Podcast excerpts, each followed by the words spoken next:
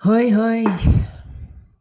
Welkom opnieuw voor een volgende aflevering van mijn podcast. Het is eventjes geleden dat ik nog een aflevering opnam en ik voel dat dat voor mezelf ook weer wel, wel spannend is om zo opnieuw de stap te zetten en iets uh, online te gooien.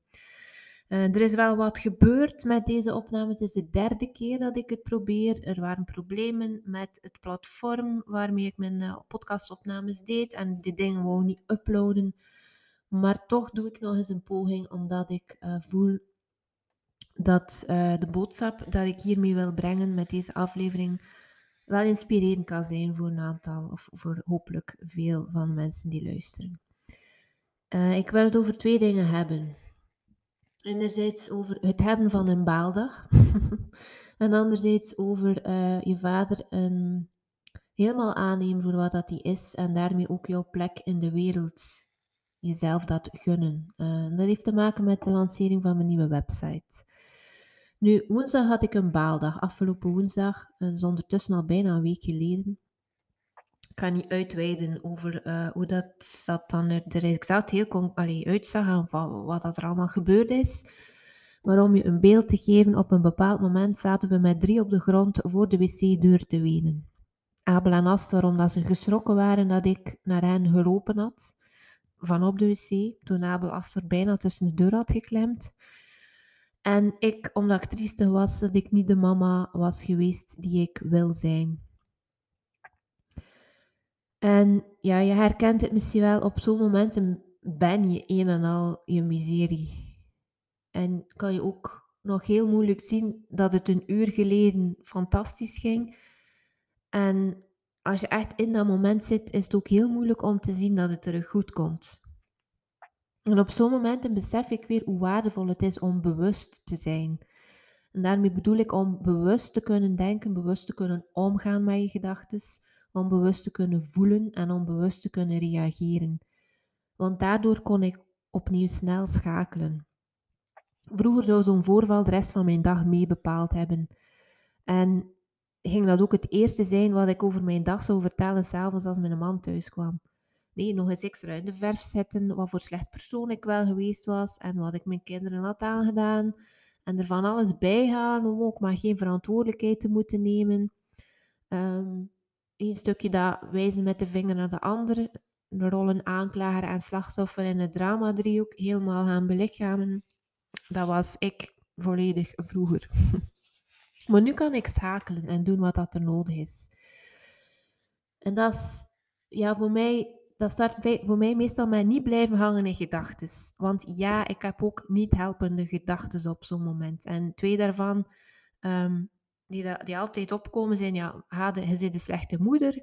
En tweede, wie denk jij te zijn om anderen te kunnen ondersteunen als je het zelf niet kan? Die twee komen altijd terug uh, in, in zo'n crisissen. Nu, ik kan daar bewust mee omgaan. Ik blijf daar niet in gangen. Ik kan die opmerken, waarnemen, maar mezelf er niet mee gaan identificeren. En wat dat heel handig is, want als je die weg vertrokken bent, dan, dan, dan, ja, dan wordt het alleen maar zwaarder en lastiger. Ik kan ook mezelf reguleren. Um, nee, er wordt, er wordt uh, heel veel gezegd dat we onze kinderen moeten reguleren of helpen reguleren, die co-regulatie. Maar op zo'n momenten is dat niet het eerste wat je te doen hebt. Op zo'n momenten is jezelf reguleren, jezelf opnieuw rustig krijgen, belangrijker dan je kinderen gaan reguleren. Want als je zelf niet rustig bent, dan ga je ongetwijfeld ook je kinderen niet rustig krijgen. En mam, Astortje, die, die wordt 2 november. Die benoemde, die zag mij en die zei, mama 30, hey, mama verdrietig, zei hij. Ik benoem dan ook wat dat er met mij gebeurt tegenover mijn kinderen en, en wat dat ik doe um, om terug in het hier en nu te kunnen aanwezig zijn. Um, bijvoorbeeld, ja, ja ik, ik ben, mama is verdrietig omdat mama geroepen heeft en eigenlijk uh, wil ik helemaal niet zo'n mama zijn. Ik wil een rustige mama zijn en daarom ben ik nu heel diep aan het ademen om terug een rustige mama te kunnen zijn. Als ik mezelf gereguleerd heb, dan ga ik mijn kinderen gaan reguleren. Dan ga ik zorgen dat zij ook weer rustig kunnen worden. En daarna um, ja, heb ik sorry gezegd. En ook in dat sorry zeggen kan naar een grote... Uh, uh, je hoeft dat niet ook weer groter te maken dan wat het is. Ik hoor soms van vrouwen die dat ondersteunen, dat ze dan voor de rest van de dag terugkomen op die situatie en, en nog eens sorry zeggen, of het dan op een of andere manier extra goed willen maken door activiteit X of Y te gaan doen. Nee, alleen nee, doe, doe wat dat klopt voor jou, maar voor mij is dat niet de kloppende manier van sorry zeggen. Ik zeg ene keer sorry, heel bewust en met contact. Niet sorry maar, niet sorry maar, je had dat niet moeten doen als er tussen de deur steken. Nee, alles, als je een maar zegt, dan vervalt de sorry eigenlijk bijna. Dus gewoon ene keer heel bewust sorry zeggen. Oogcontact maken. Vanuit die onvoorwaardelijkheid, er hangt daar geen voorwaarde aan vast. Ik was gewoon verkeerd, punt. Ik ben volwassene. Ik moet mezelf in toom kunnen houden. Ik moet mezelf kunnen reguleren. En dat dat een keer niet, niet, niet gelukt is, dat is menselijk. Maar ik moet daar geen reden bij de ander voor leggen. Dus ik doe dat ook geen tien keer en ik, ik probeer dan ook niet op verschillende manieren het extra goed te maken nadien. Um, dat, dat, werkt, dat, klopt niet voor mij. En dan gaan we ook verder met de dag. We keren daar ook niet meer op terug, tenzij dat, er, dat ik voel dat er nog wat emoties zijn blijven hangen. Dan, dan, dan gaan we daar wel weer naar terug door die emoties ruimte te geven. Maar ik ga daar niet weer opnieuw gaan terug naar verwijzen. In beide richtingen. Niet, niet als in, gaan we nu dit doen, want mama heeft net dat gedaan en dat was niet fijn. Maar ook niet ehm, omgekeerd als in, weet je nog toen dat mama geroepen hebt, als je nu niet dit doet, gaat mama misschien weer roepen. Ook, ook dat niet. um, nu, we willen soms dat een dag van ochtends tot avonds perfect loopt.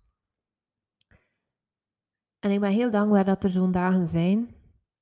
Maar kunnen we dan alsjeblieft die verwachting bijsturen dat elke dag zo'n dag moet zijn? En je hoort soms, uh, je hoort soms wel eens over de cycli, cycli van het leven, de golven, de ups en downs, de seizoenen, de herfst is ook gestart. Wel, sommige dagen is het zomer of lente, andere dagen is het eerder herfst of winter. En wat als het ook gewoon oké zou zijn om om op een dag ook gewoon alle vier de seizoenen te ervaren. De zomer, de herfst, de winter en de lente. En daarin te leren schakelen, bewust kunnen schakelen. Ergens niet in blijven hangen als de omstandigheden er zich niet toelenen. Dat vind ik, ja, dat is wel ook een boodschap dat ik wil meegeven. Ehm, stop met te willen dat elke dag perfect loopt staat toe dat een dag ook cycli heeft, een dag ook zijn seizoen heeft, maar kies er bewust voor om niet in bepaalde seizoenen te blijven hangen en zoek tools of laat je ondersteunen daarin om sneller te kunnen schakelen. Uh, doe me denken rond dat bewustzijn, bewust voelen, bewust denken, bewust doen. Een van de vrouwen die dat ik ondersteun deelde in haar laatste sessie dat ze na het traject zo anders in het leven staat, op een ander niveau. Ze zei dat ze haarzelf beter kan begrijpen en dat ze haarzelf nu kan gunnen wat dat ze nodig heeft. En dat dat, dat bewustzijn voor haar ook echt omvat wat dat het traject brengt. Bewustzijn over haarzelf, bewustzijn over de omgeving, over wat dat situaties met me doen, maar ook de impact die zij heeft op haar omgeving en die zij heeft op situaties bewustzijn van haar overlevingsmechanismes en het moment dat ze die kan omkeren. Ja, ze deelt dat ze echt op, op heel veel vlakken sterker staat in de wereld. Ehm, dankzij en door dat bewust te gaan zijn. En dat brengt mij ehm, ja, ook naar het volgende waar ik het over wil hebben, over dat in de wereld staan je vader, ze, ze zeggen wel eens, je moeder geeft je een plek in dit leven en je vader geeft je een plek op de wereld. Nu, ik ben een meter 83 en ik ben er vroeger heel veel in geslaagd om niet gezien te worden. Om letterlijk een ruimte binnen te komen, goeiedag te zeggen, dat niemand mij gezien nog gehoord had. Ik werkte vroeger in een landschapskantoor en ik heb verschillende keren feedback gekregen, hadden we hem niet zien of horen binnenkomen. om maar een, een, een, voorbeeld te geven of een situatie te schetsen. Nu, mijn nieuwe website is gelanceerd en dat is een, dat is een behoorlijk intensief proces geweest. Um, ja, omdat dat gewoon heel wat met zich meebrengt. Maar bij het um, uitsturen van een mailing en daarover ook wat vertellen, viel het me echt te binnen en kreeg ik kippenvel van waarom dat dit zo belangrijk is voor mij, die nieuwe website lanceren, in de wereld zetten, omdat dit gaat over mijn plek op de wereld innemen. En dus een stukje mijn vaderwonde helen. Um, toevallig of niet kwam er dan zo een blog van Els van Stijn uh, voorbij. Els van Stijn is de auteur van De Fontein, onder andere, uh, waarin ze het geeft over je familiesysteem en dat het belangrijk is om jouw plek in je systeem in te nemen, maar de anderen ook hun plek te gunnen en ze gaan volledig aan te nemen voor wie of wat dat ze geweest zijn, om het jezelf goed te laten gaan. En je, ja, je, bent, je bent 50% je vader en je bent 50% je moeder. Maar hen voor 100% aannemen is essentieel voor jou om het jezelf goed te laten afgaan.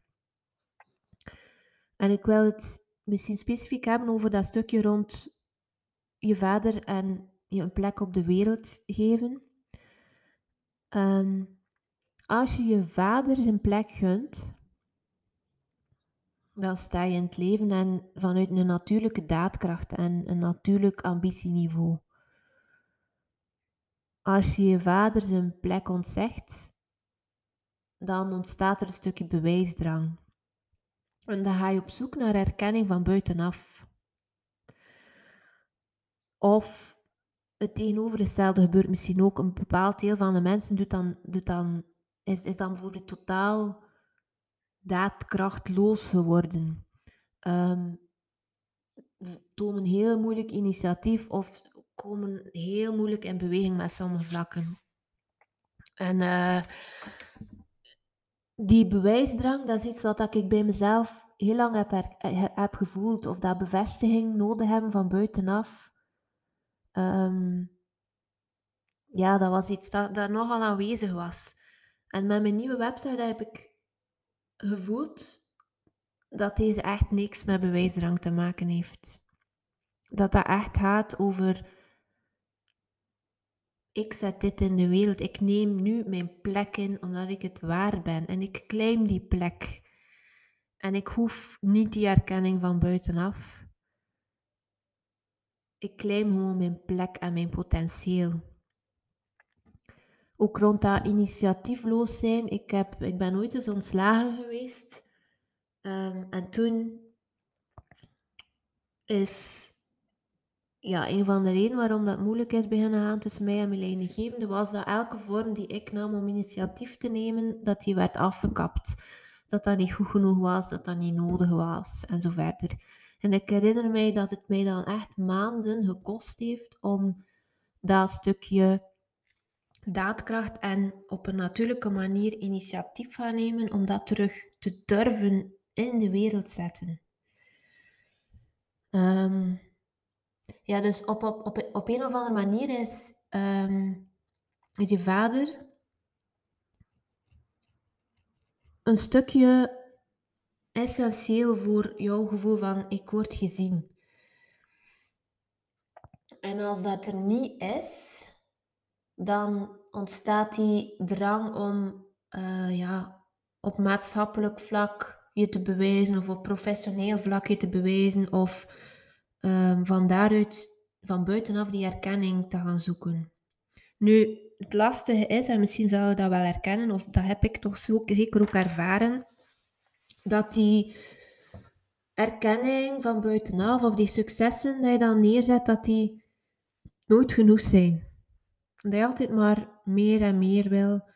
Um, omdat dat gewoon dat, die innerlijke leegte, dat kan dat niet opvullen met externe factoren. En bij mij is dus een shift gebeurd en, en nog niet, dat kwakkelt zo soms wel. Uh, ik, moet maar, ik moet daar wel blijven alert voor zijn. als het me, als het me lukt om, om mijn vader aan te nemen voor zijn volle 100%,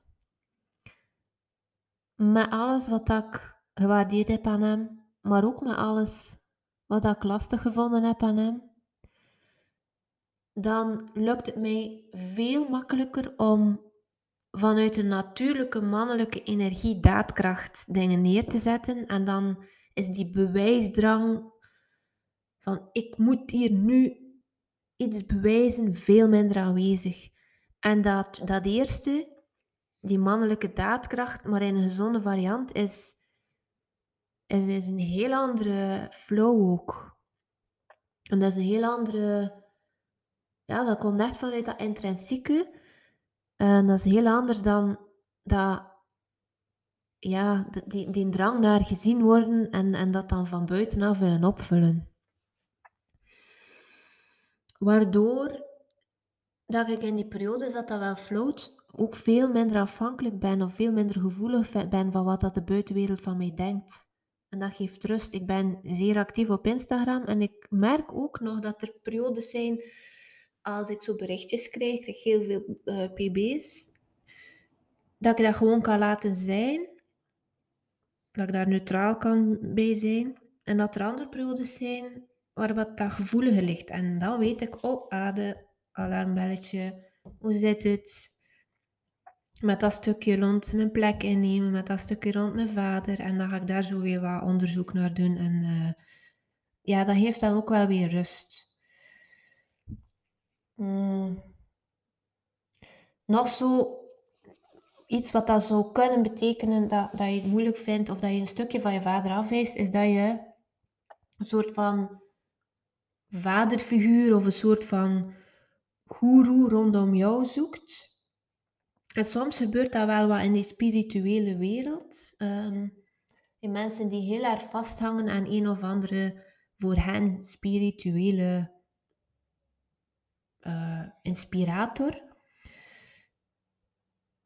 Maar als je daar echt weer afhankelijk van wordt, dan is dat ook niet helpen. Dat is ook niet de bedoeling. Dan ga je eigenlijk je, je, je, je leidraad weer ergens anders gaan zoeken. En als, als je dat, als je, ja, dan, dan ga je een beetje gaan zweven ook. Terwijl als je die innerlijke vader in jou een plek kan geven, door je fysieke vader zijn plek te gunnen en voor de volle 100% aan te nemen, dan wordt dat veel meer gegrond en aardser. Els van Stijn heeft het ook in haar boek over opstijgen. En opstijgen wordt vaak geassocieerd met de verantwoordelijkheid van een ander gaan overnemen. In mijn geval was dat bijvoorbeeld, ehm, ja, wij moesten ook wel een beetje voor, ons vader zorgen. Ehm, heel praktisch, wij legden verse kleren voor hem klaar. Want als wij dat niet deden, dan deed hij ook gewoon geen verse kleren aan. Een klein voorbeeldje. Nu, oordelen, ehm, dat is ook een vorm van opstijgen. Dus als je zoiets hebt van wat dan mijn vader mij gegeven heeft, of wat dat hij gedaan heeft, of juist niet gedaan heeft, dat was niet goed genoeg voor mij, of dat was te kort, ehm, dan zit je in oordeel. En het ding is, je kunt, wel, je kunt daarin wel gelijk hebben.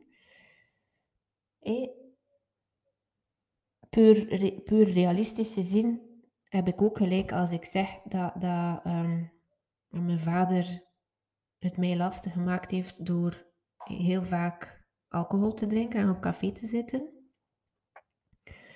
Maar zolang ik dan oordeel blijf, dan, dan ben je ook aan het opstijgen en dan neem je, kun je ook weer je plek niet in, innemen. En het ding is dat, dat je dan meestal wel in jouw oordeel bevestigd wordt ook door jou buiten te geven. Ja, natuurlijk heb je dit of dat tekort, of natuurlijk mocht je dit of dat niet gedaan hebben, waardoor dat die oordeel bevestigd wordt en dat je dan nog meer in dat, in dat stuk gaat en dat je dus weer gaat opstegen. Ehm,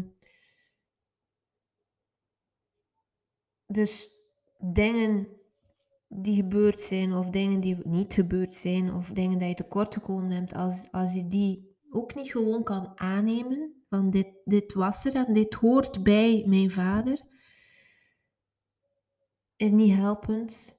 Maar je hebt ook personen die dan zo al die dingen gaan wegmoffelen. En die ehm, hun vader gaan idealiseren. Ook dat is niet helpend. Alleen het goede zien en al het minder mooie zien niet durven uitspreken, zorgt er ook niet voor dat je vader voor 100% aanneemt. Dus hoe kan je, ja, hoe kan het helpen? Hoe, hoe kan je dat, dat, dat stuk gaan inzetten om je vader een plek te geven, zodanig dat jij ook jouw plek kan innemen? Ik, ben, ben, uh, ik heb al vernoemd van je vader, je, je hebt erkenning nodig van je vader en het is belangrijk dat hij jou ziet, maar eigenlijk is dat de vraag niet. Als je het omdraait, is, kan jij hem zien in zijn volle 100%. En Els van Stijn noemt dat zo met, met zijn hele package deal. Het hele pakketje aan jouw vader. De goede dingen, de minder goede dingen, de lastige dingen, de fijne dingen, alles. En kun je ook zien dat je vader ehm, niet van ik wil je niet geven waar je naar verlangde, maar dat het ook was van ik kon je niet geven. Kun je beseffen dat hij ook uit een referentiekader komt, uit een systeem komt waar dat hij dingen wel of niet meegekregen heeft. Kun je dat zien? Want als je dat kunt zien en je vader voor de 100% aannemen, dan wijs je jezelf ook niet meer een stuk af. Dus dat hele pakketje aan je vader, niet van ik ben dingen, niet van hij heeft mij dingen tekort gedaan, maar ik ben dingen tekort gekomen, maar ik neem hem wel aan voor de volle 100%. Zorg ervoor dat, er minder, dat het minder kritisch wordt, dat er minder vanuit dat kritiek maar meer vanuit die mildheid en meer vanuit, ja, nuance. Niet alleen naar je vader toe, maar ook naar anderen toe. Besef dat het volledige pakketje aan mens zijn, dat dat ontstaan is vanuit heel veel verschillende situaties, dynamieken, systemen, generaties, zelfs niet alleen van het systeem van nu, maar van generaties lang ver. Ehm, en dat dat ook ons mensen zijn maakt. Maar kun je dat stukje compassie daarin meenemen? Ook naar jezelf toe. dat is een belangrijke stap ook om, om die bevestiging van anderen minder nodig te hebben. Vind ik persoonlijk. Uh, mijn vader voor de volle 100% aannemen. En mezelf daar die mildheid in toestaan dat dat in periodes lukt en weten welke alarmbelletjes, welke rode vlaggen er zijn als ik voel um, dit of dat gebeurt er, dat ik weer eens naar dat stukje moet gaan en weer een keer gaan beseffen, ja, maar zit ik hier nog in, zit ik opnieuw in oordeel, zeg ben ik aan het opstijgen of kan ik teruggaan naar, ik neem hem voor de volle 100% aan. Ja, dus dat ging over mijn website. Waarom dat dat voor mij echt een huge step is voor mijn bedrijf, maar vooral voor mijn eigen persoonlijk proces. En om een plek in de wereld hier in te nemen. Moest je hem nog niet bekeken hebben, scroll er gerust eens door, grasduiner is door. Feedback is welkom, www.hadekoppelteken.be Weet dat je ook welkom bent voor een gratis groeigesprek. Daarin gaan we ja, luisteren naar je uitdagingen, eens kijken waar zitten de verlangens. En als er een match is, dan vertel ik ook meer over hoe ik jou daarin zou kunnen ondersteunen. Op dit moment zijn we 11 oktober, zaterdag 15 oktober gaat er nog een draagje krachtdag door. Daarin, um, het thema van deze editie is geven en nemen in een gezonde balans. Geven en ontvangen in een gezonde balans. Grenzen stellen op een uh, congruente manier, alignment. Um, ja, en de link ook met eigenwaarde en zelfliefde rond dat geven en nemen. De Draag je krachtdag is een dag waarbij dat je ja, gaan vertragen, waarbij dat je gewoon ook jezelf mag zijn, eventjes alle andere rollen aan de kant. Waarbij dat we gaan verbinden op een gelijkwaardige manier, maar, en waarbij dat we vooral ook via lichaamsgerichte oefeningen, waarbij dat je tot in je celletjes dat kan ervaren, dingen in beweging gaan zetten. Want vaak weten we de dingen wel, maar als we ze dan echt eens gevoeld hebben, dan eh, is het makkelijker om beweging te brengen. Dus moest je het voelen, je bent heel erg welkom voor een groeigesprek of last minute voor zaterdag. Dankjewel om te luisteren. Ik hoop dat je er iets uit meeneemt. Benieuwd ook waar dat je luistert naar mij. Is dat tijdens het plooien van de was? Is dat tijdens een loopje? Is dat in de auto? Laat het me gerust weten. Of tag me social media. Dan kan ik nog meer vrouwen bereiken. Om uh, vanuit draag je kracht hun rollen te leven en te beleven. Graag tot de volgende aflevering.